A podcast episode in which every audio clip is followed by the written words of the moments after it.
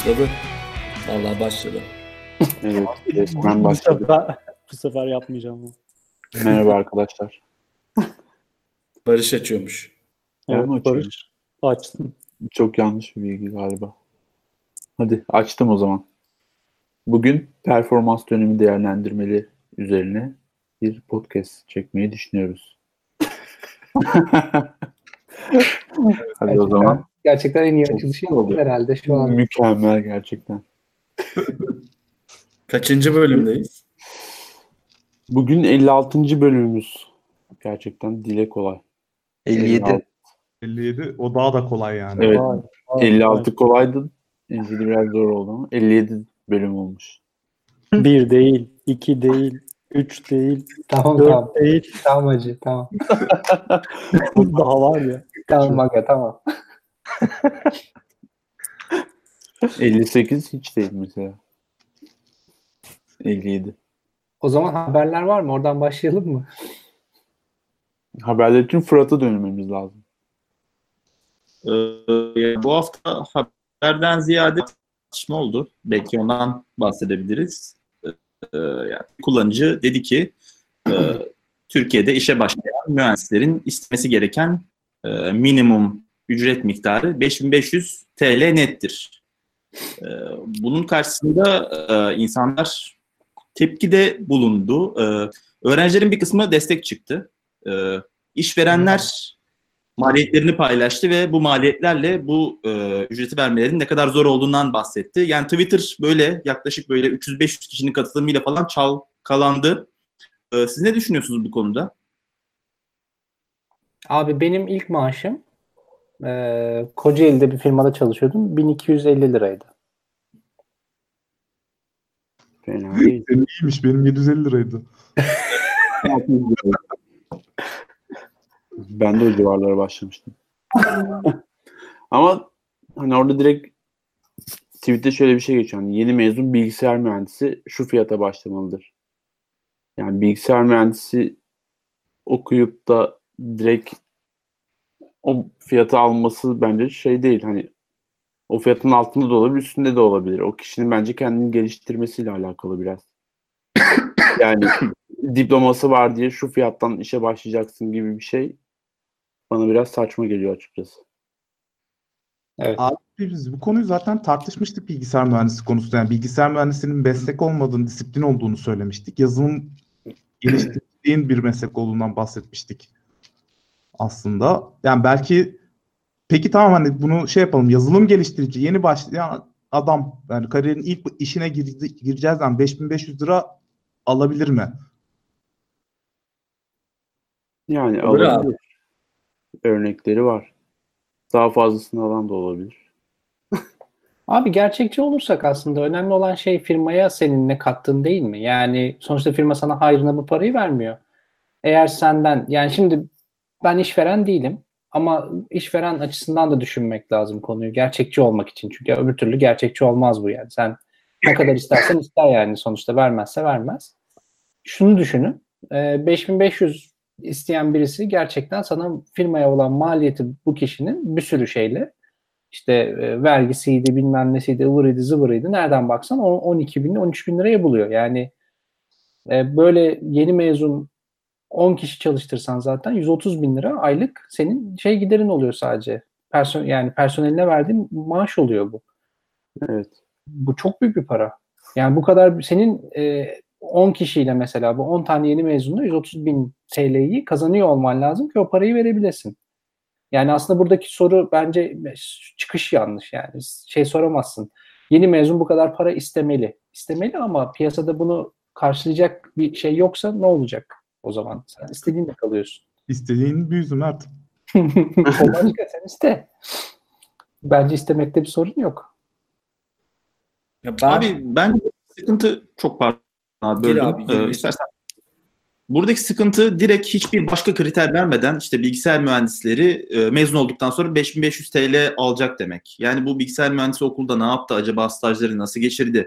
Programlama dili biliyor mu gerçekten? Bir şey üretebilecek durumda mı? Yani eğer öyleyse eğer bu kriterleri de koyuyorsak yani belli belki bir minimum şey koyabiliriz ki 5500 bence yine fazla ama e, Ama bunlar olmadan bu 5500 olsun demek çok çok mantıklı gelmiyor bana açıkçası.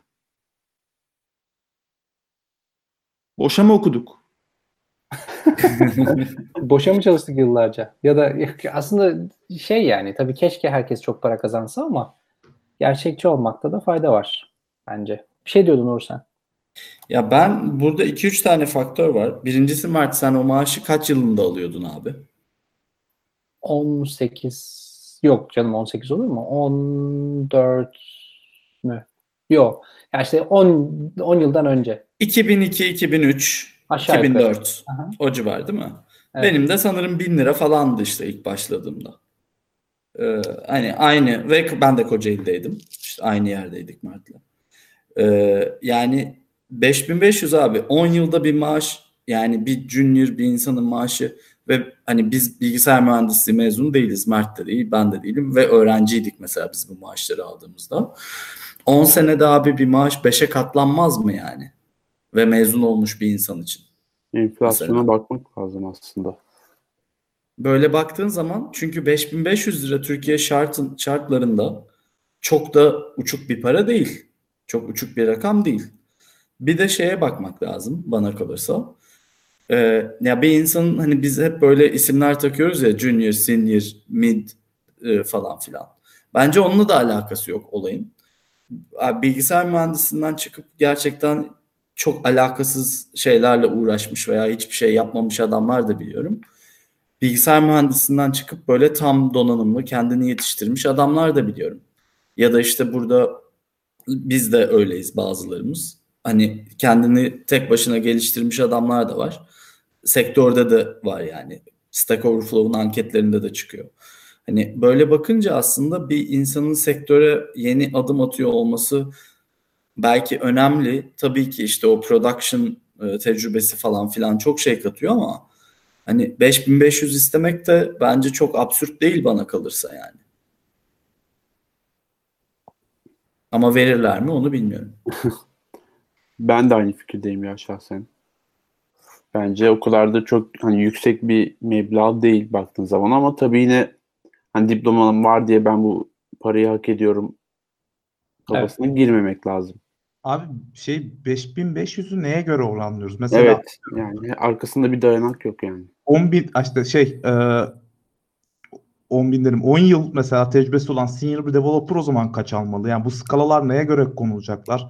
Yani bilgi seviyesine göre mi ölçecek? Şahs, şahsen ben e, ilk duyduğumda ulan 5500 biraz fazla olabilir dedim ama mesela bence iş yerleri şunu yapmalı. Hani bir bu talepte bulunan bir developer şirketlerine başladı. Aa, en azından ilk başta olmasa bile adamın atıyorum 3-4 ay sonra hak ettiğini düşünürsen onu vermelisin. O apayrı bir konu ama neye göre değerlendirmeli, neye göre biçmeli yani herkesin 5500 verecek gücü yok aslında. Yani Mersin'de dediği çok büyük iş şey maliyetleri var. Ee, ne derler? Ee, işverene büyük maliyetleri var yani. Ha bunu çalışan düşünmeli mi? O da ayrı bir konu. Yani çalışanın derdi mi işverenin maliyeti? Onu Bence bence bence evet. Çünkü e, bu işin yani sonuçta yani Türkiye'deki bence en büyük problem şu. E, sen bir firma olarak yani bir startup ya da bir şeye başladığın zaman yatırım kovalamak derdindesin. Yani yatırım kovalamaya çalışıyorsun ya da hızlı bir şekilde bir fikri hayata geçirip oradan hemen onu döndürüp para kazanmaya çalışıyorsun. Şimdi o noktada böyle bir şey yaptığın zaman ilk etapta zaten bunları bu, eğer bu böyle maaşlar vereceksen çok iyi bir şekilde yatırım alabiliyor olman lazım. Aksi halde o kadar yani hemen işe başladığın gibi bu kadar büyük bir parayı döndürmen mümkün değil. Çünkü firmanın tek gideri zaten şey değil, yazılımcıları değil yani düşündüğün zaman. Bir sürü farklı giderleri de var. Ee, dolayısıyla yani biraz da gerçekçi olmak lazım. Yani sektörün de gerçekleri de var maalesef. Yani Pardon abi sana da sormuş olayım. Şehire göre değişir mi sizce? Mesela İstanbul'daki ile Ankara'dakinin mesela aldığı maaş farklı mı olmalı? Eğer Ankara'da hayat daha ucuzsa. Yani bence olabilir tabii yani. İsveç'te de öyle mesela. tabii İngiltere'de de öyle. Yani şehirdeki o yaşam maliyeti yansıyor maaşlara. Ama ben Mert'in söylediğine ek olarak bir şey diyeceğim. Ya bence abi tabii ki işe giren olarak Tabii ki yani şirketini hani değerlendiriyorsun işte şirketin de vergi yükü var vesaire ama burada 2-3 tane konu var abi. Bana kalırsa bu bunu yazılımcılara veya çalışanlara yani sadece yazılımcılara değil çalışanlara yıkmak çok mantıklı değil. Çünkü mesela Türkiye'de abi teknokent diye bir konsept var. Vergi e, kolaylıkları sağlıyor. Ama bunu sömürüyorlar. E, Doğru. bunu e, şey yapıyorlar, suistimal ediyorlar. Sen bunun suistimal edilmesine izin vermezsen senin ülkende ARGE yapan, ARGE yapacak veya startup olacak potansiyeli olan firmaları bunlardan yararlandırırsan o zaman bu firmalar kaliteli iş gücüne erişebilir. Ama o sistem temelden çökük olduğu için veya çürük olduğu için sen gidip abi işte ajansları onu bunu şeye alırsan teknokente kısaca o teknokentler vergi kaçırmanın yolu olursa veya kapısı olursa o zaman tabii ki yazılımcılara patlar yani bu iş. Abi keşke ufak ufak ajanslar olsa. Büyük büyük bankalar, teknoloji şirketleri böyle bir bina bina yapıyorlar. Yani bana da çok saçma geliyor. Yani devlet zaten kanun olarak çıkartmış, teşbih vermiş ama belli işte o boşluklar var yani. Belki dediğin gibi startupların, teknoloji üretenlerin falan bu işlerden şey yapması lazım işte. Arge merkezi olmak gibi bir şey var. Ee, onunla da büyük vergi indirimleri alabiliyorsun. Bu arada tekno yani teknoparkların yöneticileri mutlu bu işlerden. Yani üniversite e, ayarlıyorsa eğer şirketlere yerleri bayağı zor sıraya girmek ve oradan bir yer kapabilmek aşırı zor. Ben e, İTÜ'nün teknokenti ile ilgili bilgim var az çok. Yani e, va- yani zor öyle söyleyeyim. Bir e, küçük bir startup'ın teknokente girmesi imkansız neredeyse. Evet ve yani zaten mesela şimdi ben şeyi hatırlıyorum. E, İTÜ şey İTÜ değil Yıldız Teknik'in Davutpaşa'daki teknokentine öyle bir girmiştik. Biz oraya kendimiz başvurduğumuz zaman gi- giremedik yani olmadı. Bize sıra gelmesi için 3 sene 5 sene geçmesi gerekiyordu. Ama biz mesela oraya birazcık daha böyle rektöre yakın olan bir firma sayesinde girdik. O firma bütün bir katı almış ama ödeyemeyeceğine kanaat getirmiş. Bize kiraladı. Yani aslında şey yaptı. e, nasıl derler? Tekrardan leasing yaptı bize. Çok çok saçma bir şey ve ama işte böyle büyük firmalar zaten yıllık ciroları belli olan yani böyle milyonlarca lira olan firmalar ve karları karlılığı da olan firmalar hatta belki bunların büyük bir kısmı da anonim firmalar böyle kurulmuş firmalar bu kadar para kazanan firmalar bunu yapabiliyorken dediğin gibi Fatma e, şeyler yapamıyor yani bunu yeni başlayan firmalar yapamıyor. Belki de sorun hani birazcık da bu tarafta aramak lazım. Yani devlet teşvik veriyor ama devlet teşvik denetlenmediği için ya da böyle birazcık daha yakın kanallara gittiği için ya da belli, belli şekilde böyle gücü olana gittiği için maalesef e, yazılımcılar bunun ceremesini çekiyorlar. Yani aslında herkes 5500'ün çok büyük bir para olmadığının hemfikir yani. Abi şey ya ben en son Türkiye'ye geldiğim zaman e, şey oldu yani gerçekten çok pahalı Türkiye şu anda. E, ben bir alışveriş yaptım hani ne kadar tuttu? 80 lira falan tuttu böyle yani bir, bir poşet marketten bir poşet doldurdum alt tarafı. 80 lira 90 lira falan tuttu. Sonra şeyi düşündüm ben acaba hani aynı alışverişi ben burada Londra'da yapsaydım nasıl olurdu? Gerçekten çok daha farklı olurdu. Yani Türkiye e, o kadar ucuz değil artık. Dolayısıyla belki hani o paralar o kadar yüksek olmayabilir. Ama hani bunun tabii sonuçta yan etkileri var. O parayı istediğin zaman firmanın bunu karşılayabiliyor olması lazım. Karşılayamazsa ne olacak? Ee, vesaire. Sonuçta insanlar bir noktadan sonra da işsiz kalmaktansa az maaş almayı tercih ediyorlar belki de. Ya, bence bu da ciddi bir sorun. Çünkü e, şey oluyor yani böyle bir cendereye sokuyor insanları bu durum. Ve e, kendini geliştirmek de istemiyorsun. Ve hani ilerleyemiyorsun yani mesleğinde de ilerleyemiyorsun, kendini geliştiremiyorsun, mutsuz oluyorsun, o firmaya da bir şey katamıyorsun. Yazılım ekosistemine bir şey katamıyorsun, ülkeye bir şey katamıyorsun. Böyle saçma sapan e, bir durumda kalıyorsun yani. Bir de ekstra e, tamamen alakasız söylediğim şeyden Mert, Mert'in böyle 2-3 e, soru öncesinde söylediği bir şey istinaden. Sadece startuplara özel abi. Startupların şöyle bir gücü var abi. E, çok seed aşamalarında tabii ama e, eğer fikir gerçekten iyi bir fikirse e, aslında e, yazılımcıları e, kendine çekebiliyor. Yani çok cüzi maliyetlerle çalıştırabilecek e, şekilde kendine çekebiliyor. Yani eğer iyi bir fikirse işte sadece yaşam maliyetine veya işte MVP çıkartacak sürede hani onu yaptırabilecek iş gücü vardı en azından bundan 3-4 sene önce. Şu anda tam nasıl bilmiyorum ama e, bunu birebir yapmış biri olarak söylüyorum. Mehmet'e de selamlar buradan. Teşekkür ediyorum tekrardan. E, yani öyle bakınca abi bunlar mümkün aslında. Ufak ufak e, projeler için. Ama tabii dediğin gibi 10 kişi falan çalıştırıyorsan mümkün değil. Abi farklı bir noktadan girsek yani yurt dışında aslında yazılımcıların başlangıç maaşları gayet yüksek. Yani sektör mü oturmuş? Türkiye'de sektör oturmadığı için mi böyle e, işveren maliyetlerini konuşmak zorunda kalıyoruz ama yurt dışında benim gördüğüm başlangıç maaşları gayet iyi yani.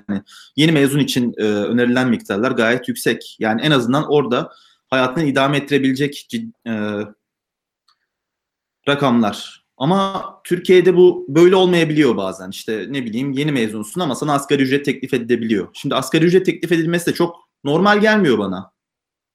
Siz Evet. nasıl burada?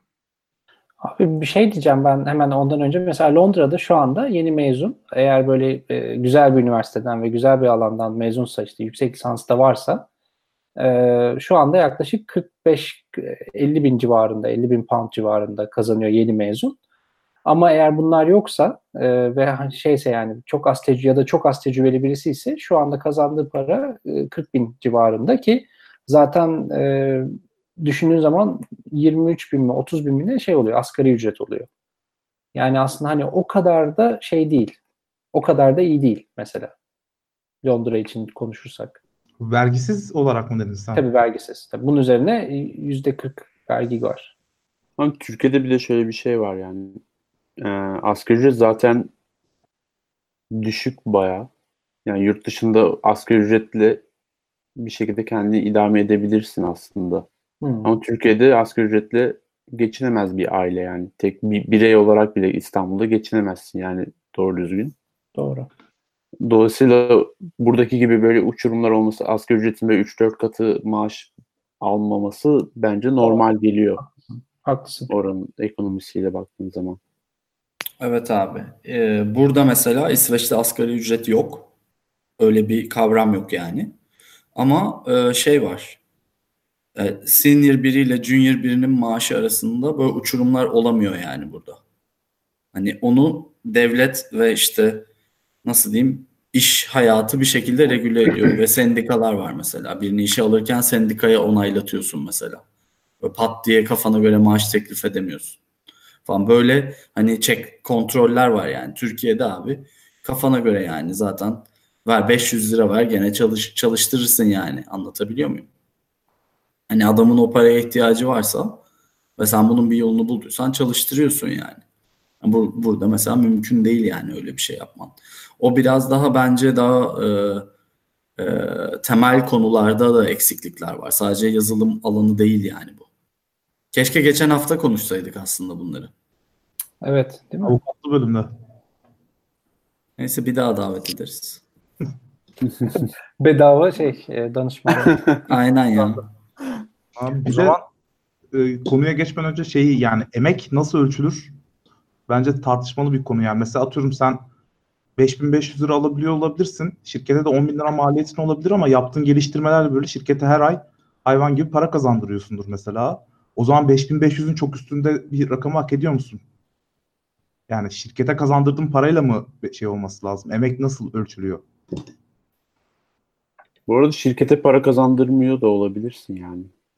Belki yeni mezunsun ve şirkete en başta çok iyi para kazandırmıyorsun ama Tabii yatırım olarak zaten evet yatırım oluyorsun. şirket sana yatırım yaparak belki gelecekte seni elinde tutacağı için ya da seni elinde tutmasa bile sektöre en azından yatırım yapmış olabilir. Yani o düşünceyle de yüksek maaş vermeyi düşünebilir belki. Sonuçta günün sonunda kendisine yarayacak yani o eleman. Sektöre yatırım yapacağını sanmıyorum da kendine yatırım yapıyor olabilir hani. sonra. Yani bir şekilde aslında yapması lazım baktığın zaman. Eğer kaliteli yazılımcıların yetişmesini istiyorsa sen o adama gerekli eğitimi de vermen gerekiyor. Gerekli işte maaşı da vermen gerekiyor ki adam motive şekilde çalışsın yani. Sürtünmesiz ortamda. evet biraz öyle. İsveç mi yani? Yok abi burası da gayet gayet uzak ya dediklerinden ama. Ya aslında Yani- mesela pardon devam et abi. Yok ya ben bir şey demiyorum abi. Boş konuşuyorum. Ya şey diyeceğim mesela hani e, asgari ücretle demeyeyim hani belirtilen ücretle işine başlayan bir e, çalışan herhangi bir zamanda hani günümüzün konusu aslında bir taraftan da performans değerlendirmeleri hani nasıl olur ne şekilde getirirse götürürse olur. Bu- buna da girmek istiyorum. E, bu performans değerlendirmeleri olmadan da aslında bir e, fix yapılabilir bir noktadan sonra hani evet bu beklenen ücretin de üstünde bir performans sergilediği için. Yani Ben orada, orada şeye gireyim mi Deniz? Mesela bak ben e, Türkiye'de çok farklı durum. Ama mesela Londra'da benim gördüğüm kadarıyla hiçbir firmanın içinde yıllarca kalarak çok fazla maaş kazanamıyorsun. Her sene aldığın maaş zammı yaklaşık yüzde bir ile yüzde dört arası. En fazla o da. Hani böyle firma çok karlıdır. işte enflasyonda o sene çıldırmıştır. O zaman yüzde dört zam alıyorsun. Ama genelde mesela yüzde bir, yüzde iki civarında. Yani underperformsan, öyle diyorsa sana firma bir şey, bir sebepten dolayı yüzde bir falan diyor. 2-3 derken işte şeyler başka mesela diyelim ki ortalama olarak yüzde iki veriyor herkese. İşte çok iyisen yüzde üç veriyor. Ee, Ancak iş değiştirirsen maaşın çok artıyor. İş değiştirmezsen aynı maaşta devam ediyorsun. Dolayısıyla burada hani girdiğin maaş çok kıymetli. Hani öyle söyleyeyim mesela. Yani bunu da kıyaslarken belki hani şeyde düşünmemiz lazım yani Türkiye'ye göre mi bunu konuşuyoruz yoksa genelde mi nasıl olmalı? Çünkü Türkiye'nin ya da çalıştığın ülke eminim Türkiye gibi ülkelerde mesela işte Hindistan'da belki e, durum yine böyledir. Eminim büyük maaş zamları oluyordur vesaire oluyordur. Ama mesela birçok ülkede de böyle olmuyor. Yani buna hani zam gibi falan düşünmedim aslında bir performansa göre de e, düşünmedim. Sadece şey amaçlı. Evet bu gi- giriş ücreti artık hani 5500 iddia ediliyorsa hani 5500 almak istiyorsa bir kişi e, haksız rekabet de yaratabilir. Hani ben 5000'e çalışırım deyip ondan sonra hani ben 4000'e çalışırım, ben 3500'e çalışırım. Bu bir noktaya kadar aşağı inecek ama ne kadar çıktı alabileceğiz bu kişilerden? Ne, verimi ne olacak bunların? Hani ondan sonra 100 liraya CSS3 HTML web sayfası yapıyorum ama dönecek bir noktadan sonra yine. Çünkü bir, bir ara hakikaten öyleydi. of of CMS çakanlar çok iyi para kazandılar ya. Araba alan var ya. Elektrik direklerinde ilan vardı abi.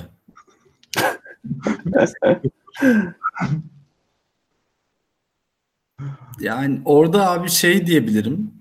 Hmm, Bu çok klasik bir işe giriş cümlesi değil midir bu? Tam böyle anlaşırsın.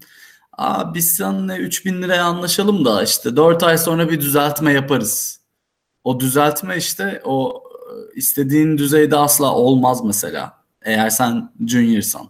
Mesela o, o cümle abi zaten sömürüleceğinin aslında e, sinyalidir bana kalırsa. Abi, Özellikle kariyere yeni başlıyorsan. O cümleyi duyduğun anda yazılı olarak alman lazım zaten. Yazılı olarak almadığın her şey yalan abi. İleride bir noktada denir ki ya o zaman öyle dedik ama bak Fırat biliyorsun şirketin durumu şu an çok kötü. Ee, ileride düzlüğe çıktığımızda seni çok e, ihya edeceğiz. Yani Neydi? bunun Likit sorunu var. Evet. evet nakit Nakit akışı sağlanmamıştır ya. ya bir yazılı alacaksın yani. Başka hiçbir yolu yok bunun. Çünkü yazılı olan geçerlidir. Ama sanki artık öyle olmuyor. Yani memleketimizde hem yazılımcı e, eksikliği var hem de iyi yazılımcının yurt dışına gitme ihtimali çok yüksek. Artık insanlar y- yani memnun oldukları yazılımcıları ellerinde tutmak için ve yazılımcısını da mutlu etmeye çalışıyorlar. Yani okey sen düşük bir maaş bana teklif ediyor olabilirsin ama her gün LinkedIn'de onlarca developer ilanı var. Bir yerden muhakkak daha fazla teklifle gidebilirim ya da gerçekten iyi bir developersam yurt dışına da gidebilirim. O yüzden insanlar bence değer verdikleri yazılımcıları ellerinde tutmaya çabalıyorlar artık. Yani ben en azından öyle hissediyorum. O zaman piyasa belirler diyebilir miyiz aslında maaşı? Yani böyle bir concern varsa 5500 lira şu an çok bulunuyorsa aslında bunu piyasa belirleyecek yani. Yani Belki. Ya- Yani insanların isteğine göre bir şekilde belirlenecek tabii ki de. Hani ev fiyatları gibi yani. Piyasa olmuyor mu zaten bu da yani? Biri 5500 olsun deyip hani Evet. Ama ama abi şu anda sorsan mesela yani e, 10 tane firmayı alsan ortalamalarına baksan ya da en az maaş alan yazılımcı onun tecrübesi en çok maaş alan yazılımcı onun tecrübesi. Bence çok da bir şey yapamayız onları. Yani gerçekten ciddi uçurumlar olduğunu biliyorum ben firmalar arasında. Var da mesela yazılımcı sayısının giderek Türkiye'de azaldığını düşün. Herkesin yurt dışına çıktığını düşün ki şu an öyle. Ve insan daha ve şey de artıyor sürekli. Yazılımcıya olan ihtiyaç da artıyor. Bir süre sonra insanlar belki de ucuza çalışacak yazılımcı bulamayacaklar. Şu anda ama çok fazla da bilgisayar mühendisi mezunu çıkıyor bir yandan da. Evet. İşte biz son zamanlarda şey kampüs görüşmeleri yapıyoruz. Deniz de biliyor. e, yani iyi okullarla görüşüyoruz. Koç, Boğaziçi gibi. Orada mesela öğrenciler şey diyorlar. Bir şeyler öğrenip yurt dışına gideceğim. Belki o yüzden e, yeni mezun şey yapmaya çalışıyor olabilir. Bir işe gireyim. Parası o kadar da mühim değil. İşte kendimi bir noktaya getireyim. İşte yurt dışındaki görüşmeleri, interview'ları geçecek kadar. Ondan sonra başımın çaresine bakarım gibi düşünüyor olabilir daha ucuz anlaşanlar. Belki O da bir strateji yani tabii. Abi Evet. para değil yani. O adama para vererek de tutam- artık böyle ortamı güzelleştirir, sosyal aktiviteler olsun şirkette bilmem ne falan. İyice bir sürü şey yapman gerekiyor yani insanı tutmak için. Abi geçen sene 2018'de Türkiye'den yaklaşık 300 bin insan yurt dışına göç etmiş. Yani bu Evet. çok ciddi bir rakam yani. %90'ı Evet. yazılımcıdır büyük ihtimalle. Ne kadarı yazılımcı bilmiyorum ama ciddi bir kısmı teknik insandır diye düşünüyorum yani. Hani çok ciddi rakam. Ee, Böyle bakınca abi tabii Fatma'nın dediğinin oluyor olması bir yandan iyi bir şey bana kalırsa. Hani sektöre böyle bir reset atıyor yani. Ee, belki işte 10 yıl sonra bu insanlar geri dönecek ve döndüklerinde aslında mükemmel bir e, know-how'la geri dönecekler yani. E, inanılmaz bir tecrübeyle geri dönüp belki tamamen her şey değişecek falan. E, ama e, yani sektörün hala bence düzlüğe çıkmasına ihtiyaç var. Sadece maaş olarak söylemiyorum, kültür olarak. Değil mi? Aslında en büyük problem sanırım orada kültür yani. Ee, özellikle mesela yazılım geliştirmeye yani birazcık daha profesyonel tarafından bakalım.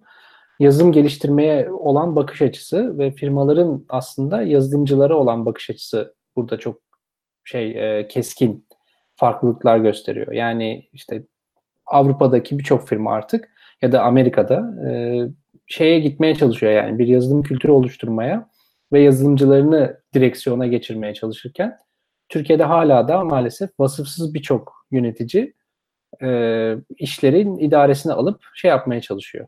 Yani e, ne derler? Hani yönetmeye çalışıyorlar. Ellerindeki statikoyu aslında korumaya çalışıyorlar. Aslında statiko Türkiye'de çok ciddi bir şekilde var ve bunu kimse şey yapmıyor. E, bununla mücadele etmiyor. Yani bunu yıkmaya çalışmıyor birçok firmada maalesef. Ya da yıkmaya çalışırsa karşısına duvarlar çıkıyor.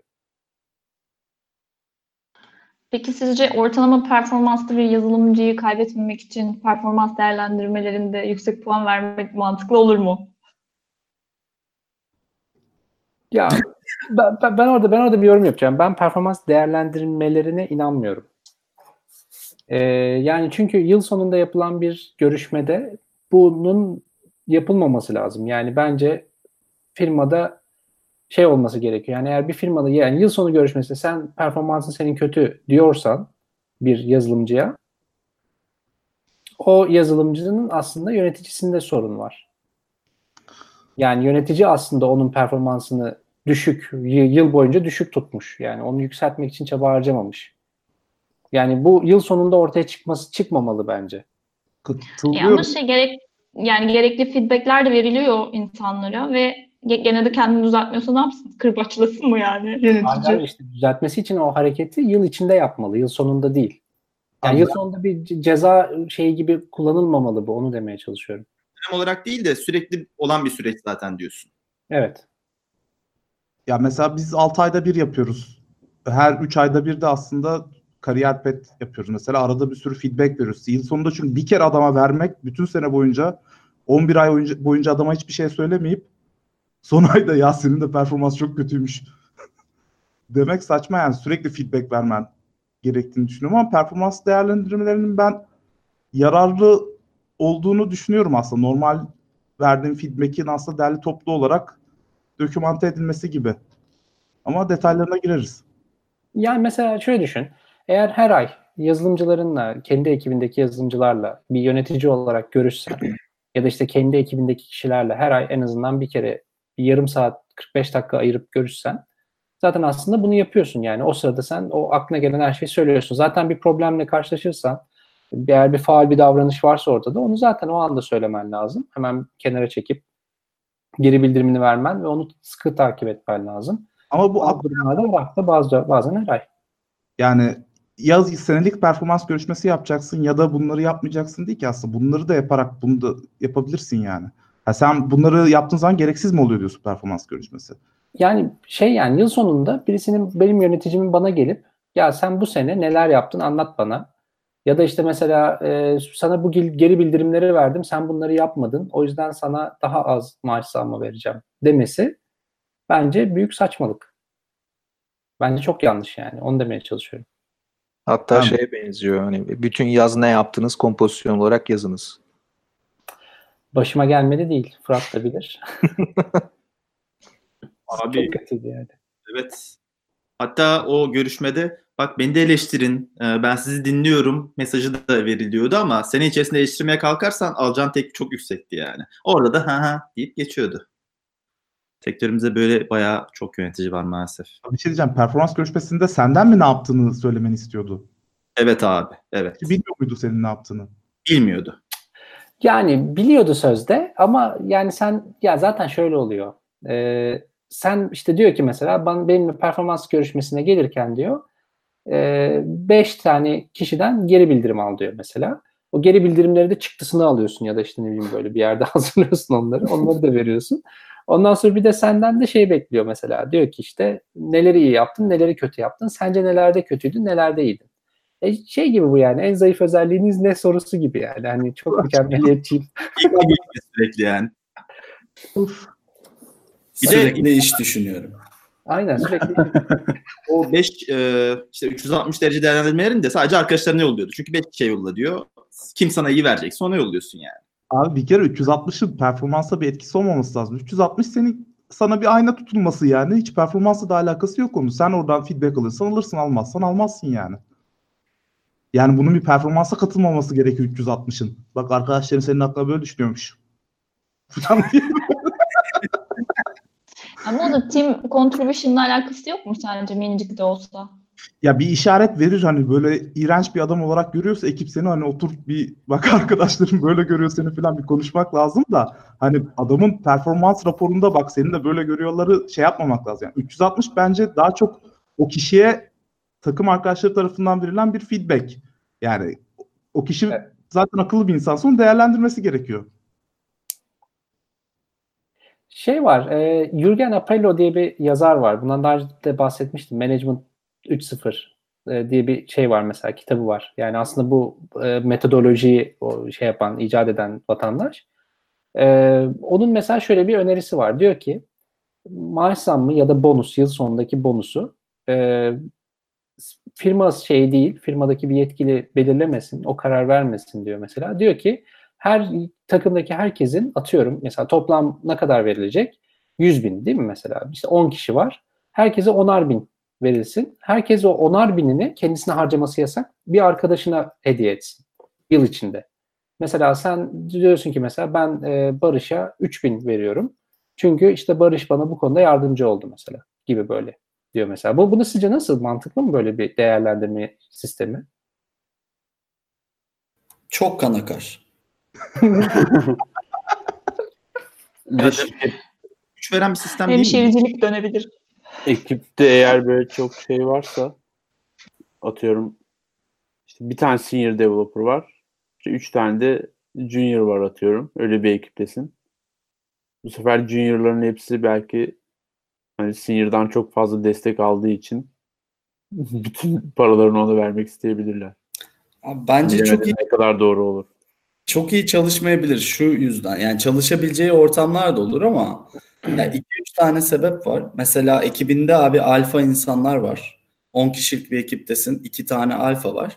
Bu iki tane alfa adam ya biraz sosyal bilimlere de giriyor bu iş.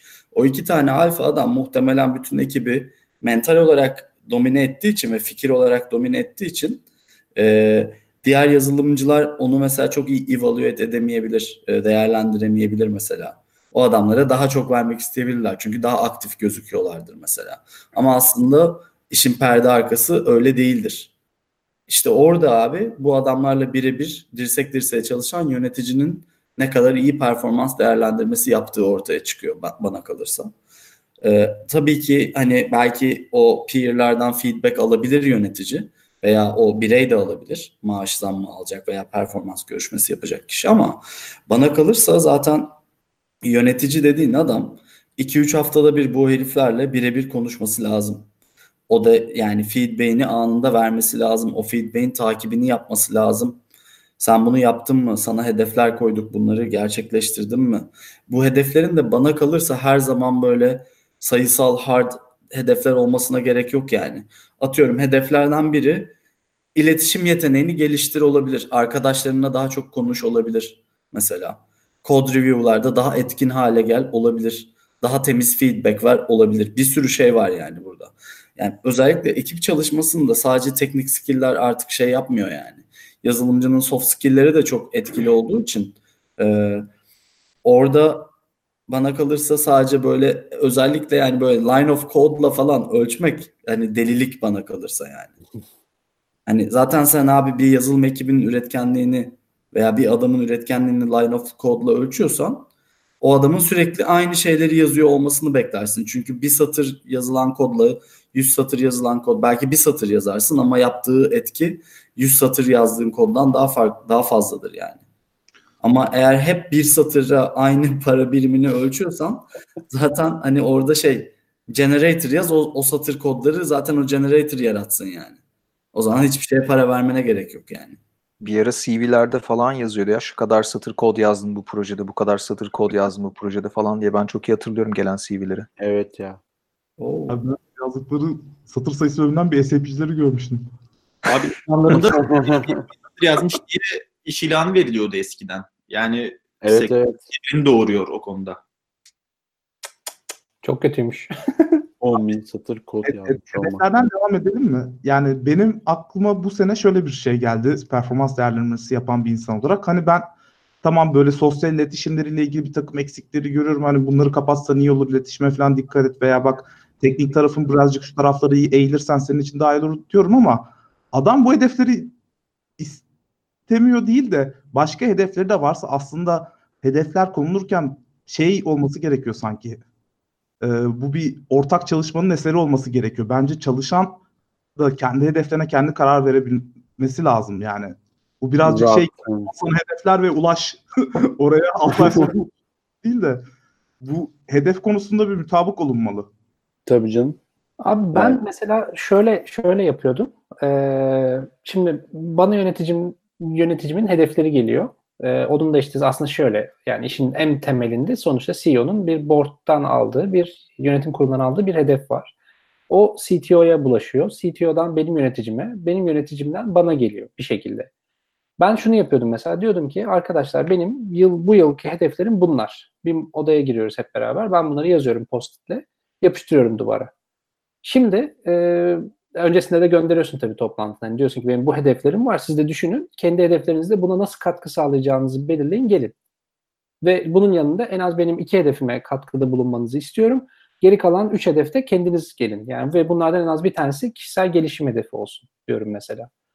Dolayısıyla bunların hepsini ben şeye yapıştırıyorum e, duvara.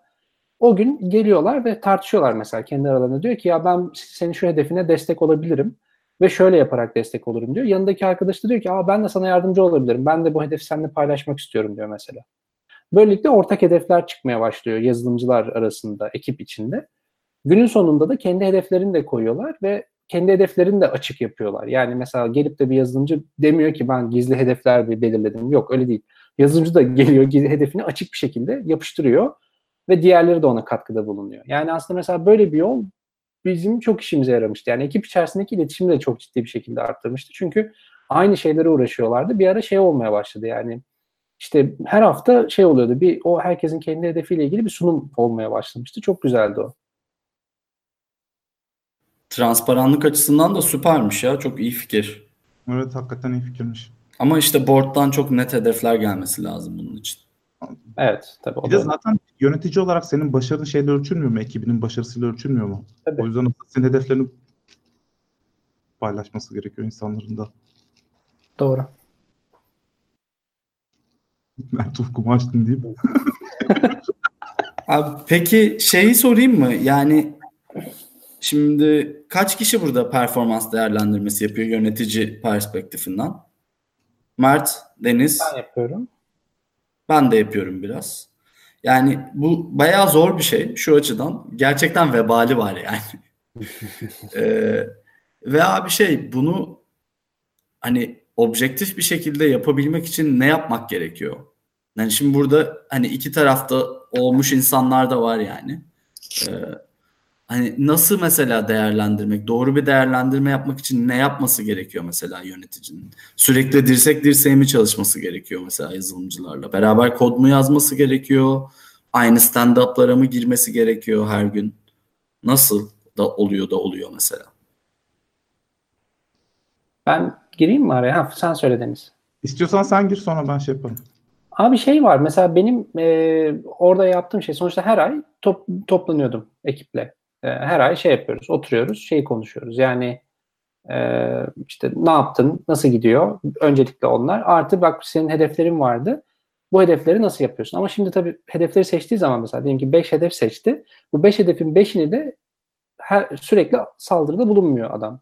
Diyorum ki ben vatandaşa 12 ay var önümüzde. Bu 12 ayı parçalara böl. Bana şöyle bir planla gel. Hangi dönemde hangi hedefleri şey yapacaksın? Yani bir hedefi kapatmadan başka bir hedefe geçmiyor.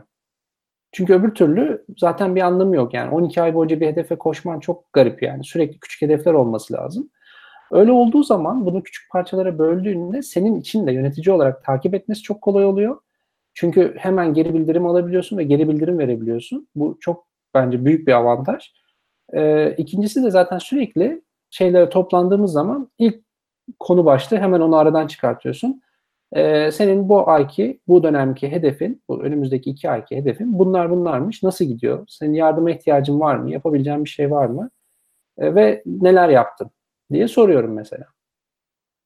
Dolayısıyla hani böyle bu, bu iletişim sağladıktan sonra zaten sen de istersen hani o onun hedefi mesela başka bir ekiple de ilgiliyse gidip o ekipten de geri bildirim alabiliyorsun. Dolayısıyla sağlıklı bir şekilde, objektif bir şekilde şey yapabiliyorsun, değerlendirebiliyorsun. Yani sık ve küçük adımlar aslında. İlgin sen ne yapıyorsun abi? Abi ben bir kere her e, grooming, sprint katılabildiğim stand-up toplantılarında yer almaya çalışıyorum. Çünkü aynı zamanda pair programminglere falan da şey yapıyorum. Hani katılmaya çalışıyorum. Çünkü zaten adamı veya kadını tanımadan şey yapamıyorsun.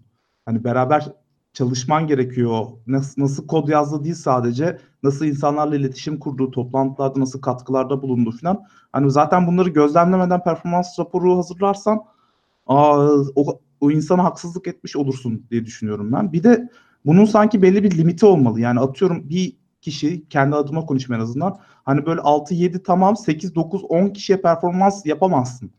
Ondan sonra şey yapman gerekiyor işte bir takım liderlerin olması gerekiyor ekipte. Onlar başkalarına performans yapmalı gibi görünüyor. Onlar birileriyle yakın. Çünkü yapamazsın abi. 10 kişiye yaptığın zaman sanki hakkaniyetle yapamıyorsun gibi geliyor. Giderek bence yönetici olduktan sonra ekipte kalabalıklaştıkça hani içeriden liderlerin çıkıp o liderlerin re raporlayan insanlar olması ve liderin onlara performans görüşmesi yapması gerekiyor. Yani senin ben öyle düşünüyorum. Öteki türlü haksızlık olur gibi geliyor bana.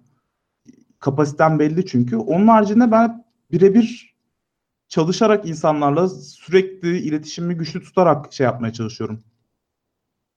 Ee, bu süreci götürmeye çalışıyorum. Benim de çok benzer. Sadece bazen performans değerlendirmelerinde şey yapıyorum abi. Hala küçük bir şirket olmanın avantajını kullanıp mesela CEO benim yani ben, ben direkt CEO'ya raporluyorum şu anda. Yani onun yardımını alıyorum mesela ben. Hani tek başına kendi e, sadece kanaatimi koymuyorum. Onun kanaatini de mesela e, değerlendiriyorum. Beraber kafa kafaya verip mesela e, bazen üstesinden gelemediğim şeyleri. Hani o hem bana koçluk yapıyor bu noktada. E, böylece aslında şey daha sağlam bir e, temele basıyor verdiğim kararlar. O açıdan çok konforlu oluyor benim için mesela.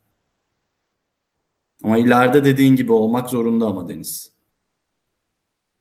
Peki yazılımcılar açısından nasıl diye sorup kendimi cevaplayayım mı? Cevaplı o zaman. Hadi. Abi ben bana kalırsa sadece kod meselesi değil yani tamamen.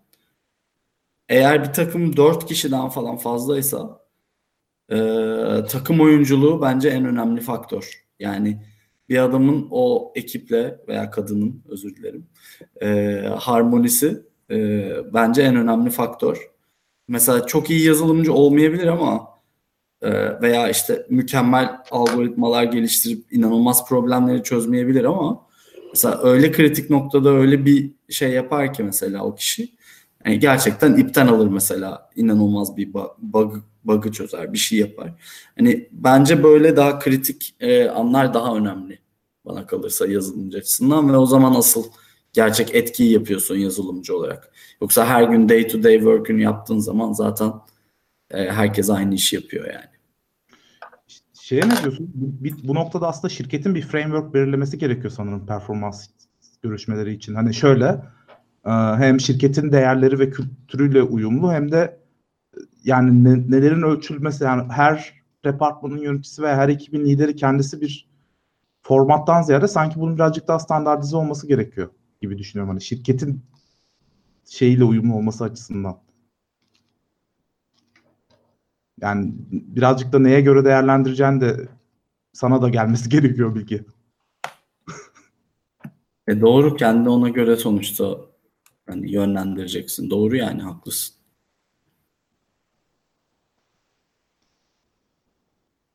Otorite olayı var abi. Ne olayı? Ona otorite durumu var bir de. Ona ne diyeceğiz? Nasıl yani? Yani o ilişkinin sağlıklı olması için ne yapmak gerekiyor? Hani özellikle hani Türkiye'de tü- kültürü Türkiye'ye benzer ülkelerde diyeyim ya da hani bir ast üst ilişkisi var ya Hı. o ilişkiyi sağlıklı hale getirmek için mesela iki tarafın da yapması gereken herhalde atması gereken adımlar var. Abi mesela bey demeyecek, hanım demeyecek ya birbirine. Böyle. Yani Değil mi? yönetici ise birazcık daha samimi olacaksın abi. Bir kere o. İkincisi öyle kasılmayacaksın ekibin yanında. Höt höt garip garip hareketler yapmayacaksın. Benim ekibim diye konuşmayacaksın. Yani hani benim elemanlarım, benim yazılımcılarım, benim öyle değil. yani. Aynen öyle. Onlar, Aynen. onlar senin değil yani. Onlar senin takımındaki insanlar. Senin de bir görevin var, onların da bir görevi var. O da önemli. Ondan sonra mesela benim bir yöneticim vardı. Adama bey sonuna bey eklemek zorunda hissediyordum yani. O beyi eklemeden konuşamıyordum kendisiyle. Yani bu tamamen ondan kaynaklanıyor. Böyle onun oturttuğu e, kendisini uzak tutması, çekmesi, işte böyle bir yani yakın olması gerekiyor onun. E, şey yani yöneticinin yakın olması gerekiyor ve e, o yolu açması gerekiyor. Bu tamamen yöneticinin sorumluluğunda. Eğer hani bunu dinleyen herhangi birisi yöneticisine ya da herhangi bir yönetici çalış yani onun ona raporlayan ekibe e, eğer ona bey ya da hanım diyorsa demek ki o kötü bir yönetici diyebilir miyiz? Bence demeliyiz yani. Ya da yani karşısındaki dedirtiyorsa diye Evet. eklersek aslında daha güzel olur bence. Abi ben genelde kötü yöneticilerle çalıştım. Ee, hep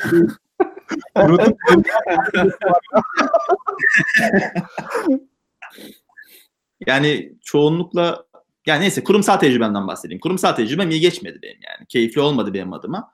Ee, yani şey gibi hissediyordum. Sanki böyle eleştir, eleştirel bir şey söylersem başıma çok kötü bir şey gelecekmiş gibi hissediyordum. Ve insanların da böyle düşündüğünü biliyorum yani. Çevremdeki insanlarla da konuşuyorum çünkü.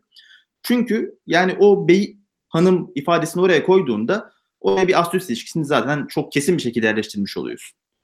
Bunu kırmak için ya bir noktada dedim ki ya ne gelebilir ki başıma en çok? Kovulur muyum? Ya kovulayım ne olacak yani? Yani rahat rahat konuşabilmeye başladım. Rahat rahat konuştuktan sonra da bir şekilde iletişimin daha da geliştiğini gördüm. Bir şey değiştiremedim belki ama en azından ben biraz daha ferahlamış oldum. Çevremdeki insanları da buna katabilmiş olsaydım belki de şirkette bir şeyler değiştirebilirdim. Yapamadım ama konuşmamız lazım abi. Yöneticiyle konuşmamız lazım. Yani aklımızdan ne geçiyorsa söylememiz lazım. Yöneticinin eksikleri varsa bunları da söylememiz gerekiyor.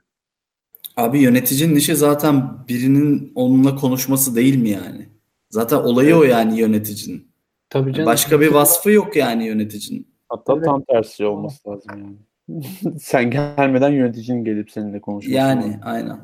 Peki abi bir şey söyleyeceğim. Ya yönetici sana bey veya hanım demeye başladıysa o zaman sen de yöneticiye bey ve hanım? Şey diyeceksin. Lütfen aramızda öyle konuşmayalım. Öyle bir şey olmuş mu ya acaba tarihte? Oldu. Olması lazım ya bence niye olmasın? Yani. Ben biliyorum. Çünkü yani bey ve hanım aslında bir şey mesafe göstergesi yani. Hani yöneticin de sana hani sen de yöneticine mesafe koyabilirsin. Profesyonel anlamda konuşuyorum. Hani sen de zorlayabilirsin yani. Fırat Bey dedirtebilirsin. Mesela Fırat Beyciğim dersen ne olur? Fırat ne? Beyciğim. O mobbinge giriyor. Bayağı harassment da olabilir yani. Sexual harassment. Abi, o zaman ben devam ediyorum. Gene aklımdakileri falan söylemeye. Böyle random gidiyorum. Git abi git. Yani e, bir de özel hayatlar var tabii şimdi. Hepimiz böyle random işe gidip de tuşlara basıp çalışan insanlar değiliz. Bir de iş dışında hayatımız var yani. Ve bu tabii ki izole edilemiyor. Şimdi iş dışında yaşadığın şeyler de iş hayatını etkiliyor. Otomatikman performansını da etkiliyor. Çünkü organik canlılarız. Bilincimiz var falan. Şimdi bu abi performans değerlendirmelerinde falan veya bir insanın işte ne bileyim terfi etmesinde, zam almasında, bonus almasında falan etkisi nedir? Nasıl handle edilmelidir diyeyim. Etkisi vardır tabii ki de bunu nasıl düzgün bir şekilde handle ed- etmek gerekir? Fatma bir şey diyecekmiş gibi bakıyor. Ya aslında diyeceğim e, yani şöyle bir şey söyleyebilirim. Bu sene benim e, özel hayatım çok tatsız olaylara sahne aldı. Yani e, ebeveynlerimden birisini kaybettim. Birisi de ciddi bir hastalığa yakalandı. E, performansımda düşüş oldu diye hissediyorum ben kendimde. Zaten bir takım e, önceki hedeflerimi de tutturamadım. Ama mesela şey hissediyorum hani e, bütün şirket tarafından biliniyor bu durum. Ve hani şimdi performans değerlendirmesi sürecinde de ay yazık işte bu kızın da hayatı çok boktan en iyisi şey yapalım düşürmeyelim performansı falan gibi bir şey dense o zaman sanki kendimi daha mutsuz hissedecekmişim gibi hissediyorum. Yani aslında bu e, bilmiyorum hani özel hayatla iş hayatını, profesyonel hayatı da ayrı tutmak lazım ve senin işteki performansın düşüyorsa da aslında bu senin kişisel problemin gibi hissediyorum bir yandan ama öbür taraftan bakınca da çok insani gelmiyor. Yani hani be- ben lead olsaydım ve benim takımımdaki bir insanın hayatında inişler çıkışlar olsaydı hani ben bu böyle acımasız davranamazdım. Hani kendime acımasız davranmak daha kolay ama kendi tak- tek takımımdan birisine acımasız davranmak çok da kolay değil. Bence burada sözü ilgine vermek lazım. Yok ya bu e, De- Deniz bir şey söylemesin bu konuda ya şey olmuyor hoş hoş değil sanki. Bence orada genele bakmak lazım ya zaten yani. E, Geçici bir süre için işte atıyorum performans düşüklüğü de olabilir. Ya da tam tersi çok yüksek performans da gösterebilir ama o kişinin genel bir performansını ortaya koymaz sonuçta. Yani dolayısıyla bence hani kişisel hayatında olan işte sorunlar ya da başka olaylar performansını olumlu ya da olumsuz etkilememesi lazım. Abi bence de yani burada birazcık çalışanın şirket yani şirketin çalışanına ne kadar değer verdiğiyle alakalı bir durum. Yani böyle herkes ebeveynini kaybedebilir veya özel hayatında sorunlar yaşayabilir. Bence bunun bir şeyi olması lazım. Hani e, anlayış göstermesi gerekiyor. Sonuçta insanın elinde olan şeyler var, elinde olmayan şeyler var diye düşünüyorum ben. Birazcık da şey gibi geliyor, acımasızca geliyor insana. Tamam senin özel hayatın o ama yani biz de burada para kazanıyoruz şeklinde yaklaşmak. Yok Bence o common sense ya. hani ortak noktayı bulduğun zaman iş yani işverenle çalışan arasında hani herhalde öyle çözülecek bir konu o. Sen ne diyordun Mert? Ya ben şey diyecektim yani e, orada benim şöyle bir gözlemim var. Ne kadar doğru bilmiyorum ama sanki biz Türkiye'de birazcık daha şeyiz, duygusalız yani. Türk insanı birazcık daha duygusal. Ya şeyler de böyle hani belki hani Akdeniz, Akdeniz falan hani öyle şeylere de bağlanabilir ama biz biraz biraz şeyiz yani gerçekten duygusal bir toplumuz aslında bakarsan. Yani bizim için e, birçok şey yani aslında şöyle biz bireysel değiliz çok fazla. Gruplar halinde yaşıyoruz ve gruplardan birazcık güç alıyoruz. Yani bir topluluk olmak bizim için çok kıymetli. Ee, bunun bir etkisi olarak da sanki şey gibi oluyor. Yani Türkiye'de e, bir kişisel, özel problemleri olan e, yazılımcılar yine arkadaşlarından destek alarak çok kolay toparlanabiliyorlar. Yani aslında burada mesela Türkiye'de e, kişisel problemleri dert ediniyor yöneticiler ciddi bir şekilde. E, ve hani mesela birçok probleme koşabiliyorlar yöneticiler. Aslında hani bakıldığı zaman şimdi burada mesela işte e, beraber çalıştığımız arkadaşların hepsiyle aslında bu şekilde biz beraber olduk. Hepimizin farklı dertleri vardı. Hepimiz birbirimizin dertlerine koştuk yani. Bu hep bu duygusallıktan aslında kaynaklandı. Bu güzel bir şey. E, dolayısıyla aslında yönetici hani belki orada Türkiye'de bu özel dertlere de dahil olabilir ve yardımcı da olabilir belki. Belki destek olabilir. Ama mesela bu bir Avrupa ülkesinde tartışılmaz. Hani böyle bir şey teklif etmez hiçbir zaman yöneticin. Çünkü özel hayatın o senin karışmaz sana ve senden de performansını düzgün iler götürmeni bekler. İşin doğrusu. Mesela benim gördüğüm burada öyle. Çünkü profesyonellik çok daha önemli. Yani senin orada zor bir günün olabilir. Sen iznini alırsın, gidersin. Ama ondan sonra geri geldiğin zaman da işini doğru düzgün yaparsın. Yani benim bugün işte kız arkadaşımla kavga ettim, bugün çalışamıyorum diyen kimseyi görmedim henüz.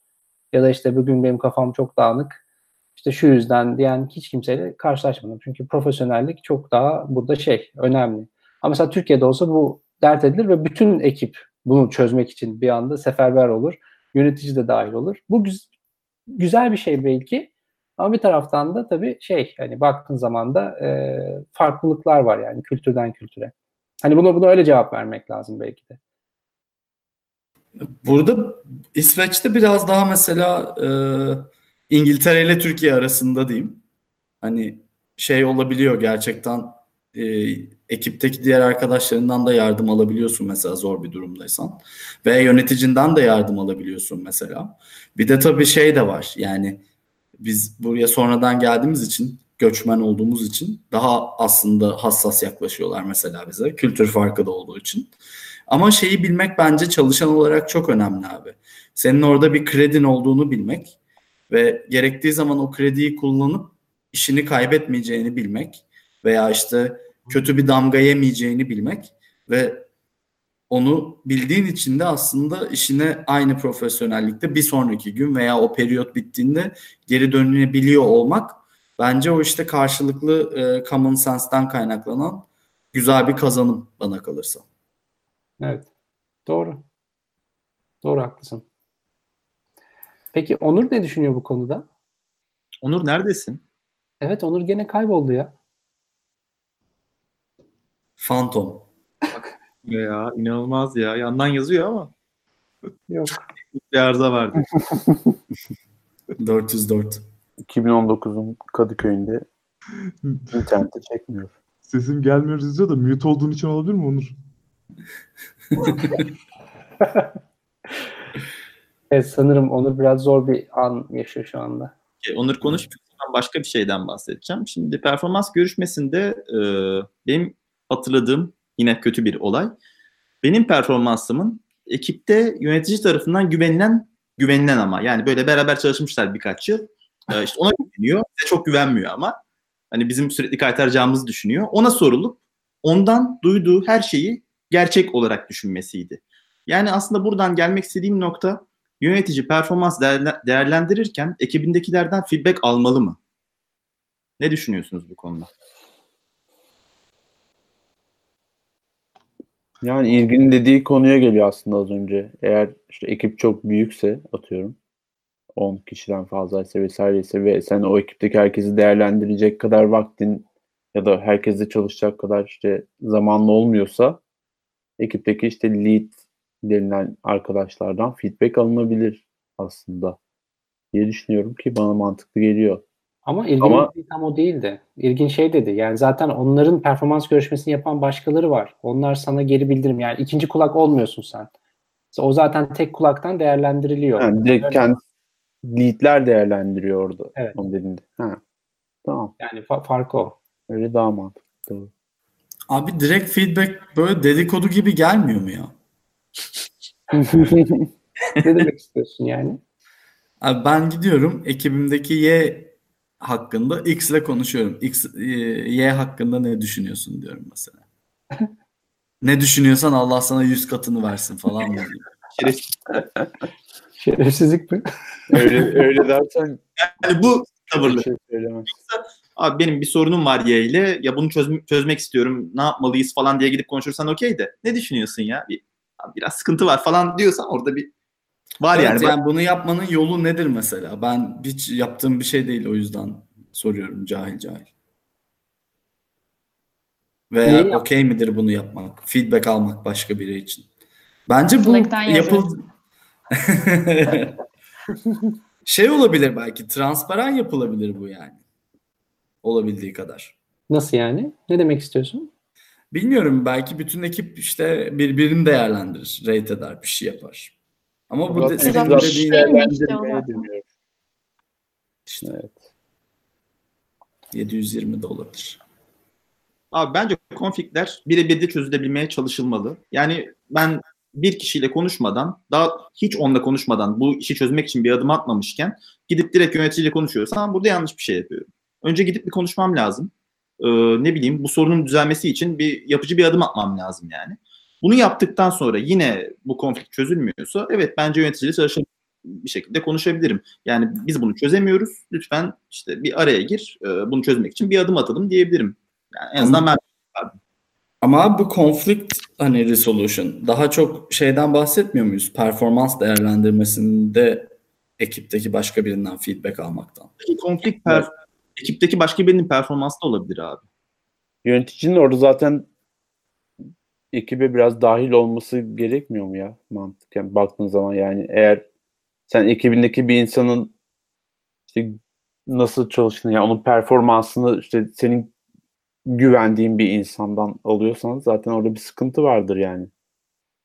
Sen ekip, ekipteki insanların daha işte nasıl çalıştığını, işte performansları nasıl olduğunu bilmiyorsan zaten o yönetici sıkıntılı yani. O yönetici de zaten başkasının lafını dinleyip ona göre hareket eder yani.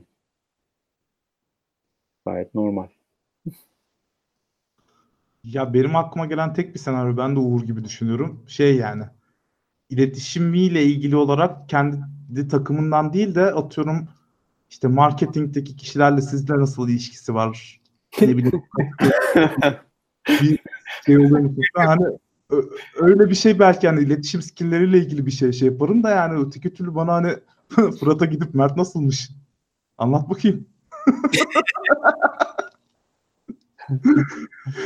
bir yandan umut çok şey geliyor yani. Olmaz gibi geliyor ama belki de ben yanılıyorumdur bilmiyorum.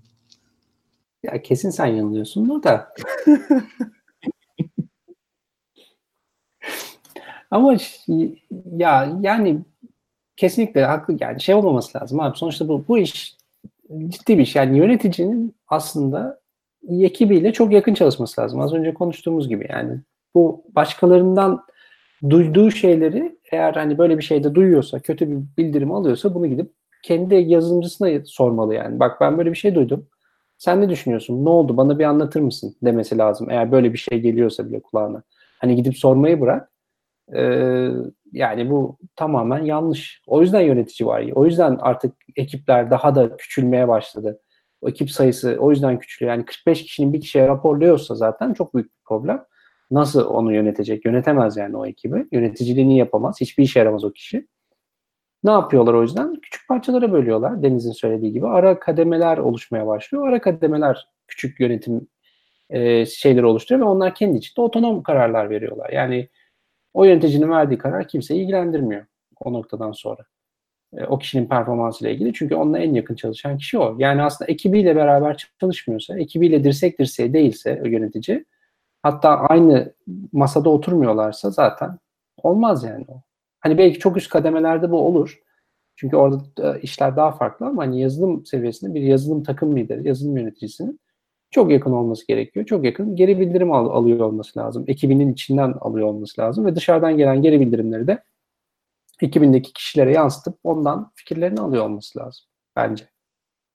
Abi yani şöyle diyebilir miyiz o zaman? Ekip büyüdükçe aslında insanların veya ekipteki yazılımcıların performansını ölçmek için e, üstteki yöneticinin feedback alacağı aslında yetkili insanlar olması gerekiyor yani. Bir hiyerarşi olması gerekiyor. Eğer zaten o hiyerarşi yoksa da senin yazılımcılarla birebir çalışman gerekiyor. Yani Evet. dirsek dirseğe. Bu, bu da zaten ilginin de dediği gibi bence 10 kişiye kadar max yani. Ondan fazlasında hani zaten o takımda da gizli liderler falan çıkacaktır yani. O insanlar ileride lead olacaktır. Hani ekip büyüdükçe. Genelde böyle oluyor. Hı hı. Ee, bana kalırsa ya bu işi yönetmenin en sağlıklı yöntemlerinden biri bu. Dediğin gibi üst kademeler bambaşka olabilir. Bilmiyorum oralarda havalar nasıl ama e, ben genelde şey diyorum yani e, bir, biri arıza çıkaracaksa abi bizim takımda o kişi genelde ben oluyorum zaten. O arızayı ben çıkartıyorum yani. Yani siz çıkarmayın arıza çıkaracaksanız gelin benimle konuşun falan diyorum. Ya da harbiden arıza çıkacaksa ben çıkarıyorum ki çözümünü bildiğim için yani. Sonra da çözülüyor zaten mevzu. Ee, o işin bana kalırsa en kolay yönetmenin yolu benim için en azından öyle oluyor. Mantıklı. Performans dönemi. Dıdış dıdış. Dıdış mı?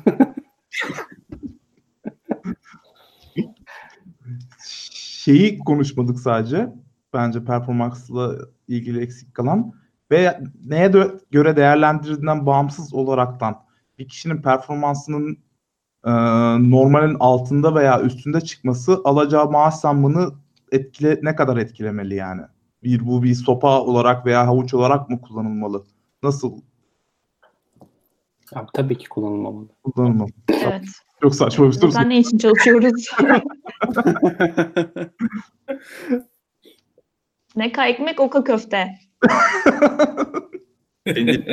Oluyor dedin. Olmuş olmuş. Fatma olmuş. Anladım bunu ben bu şekilde bundan sonra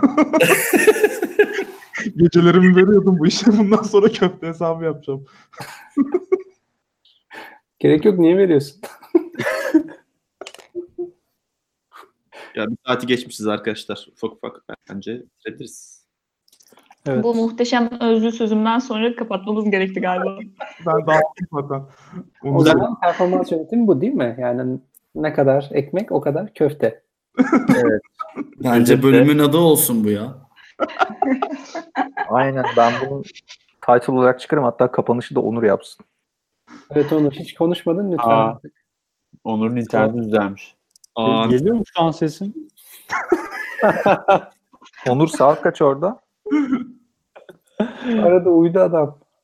Saatlerimiz 12.30'u gösteriyor. 16'sına girdik. 16 Ocak Çarşamba. Ee, bir programımızın daha sonuna gelirken teşekkür ediyoruz. Buralara kadar dinlediğiniz için. Ee, Hoşçakalın. konuştuk. Biz teşekkür ederiz ne demek. Teşekkür ederiz Onur bizi dinledin. O kadar. Evet sonradan dinlemek için canlı dinliyorum. Teşekkürler Onur. Allah razı olsun. O zaman, O zaman- like edersin. Hoşçakalın. Tabii. Performansınız iyi çıksın. Abi tam ürün yerleştirmelik kapanış değil mi? Köfte, Ama- köfte yerleştirelim ama. Evet. Köfteci Yusuf neredesin? Sponsorumuz Ürün geldi de. Attık. Hadi kapatıyorum. ya. Bitti. Hoşçakalın. Bye.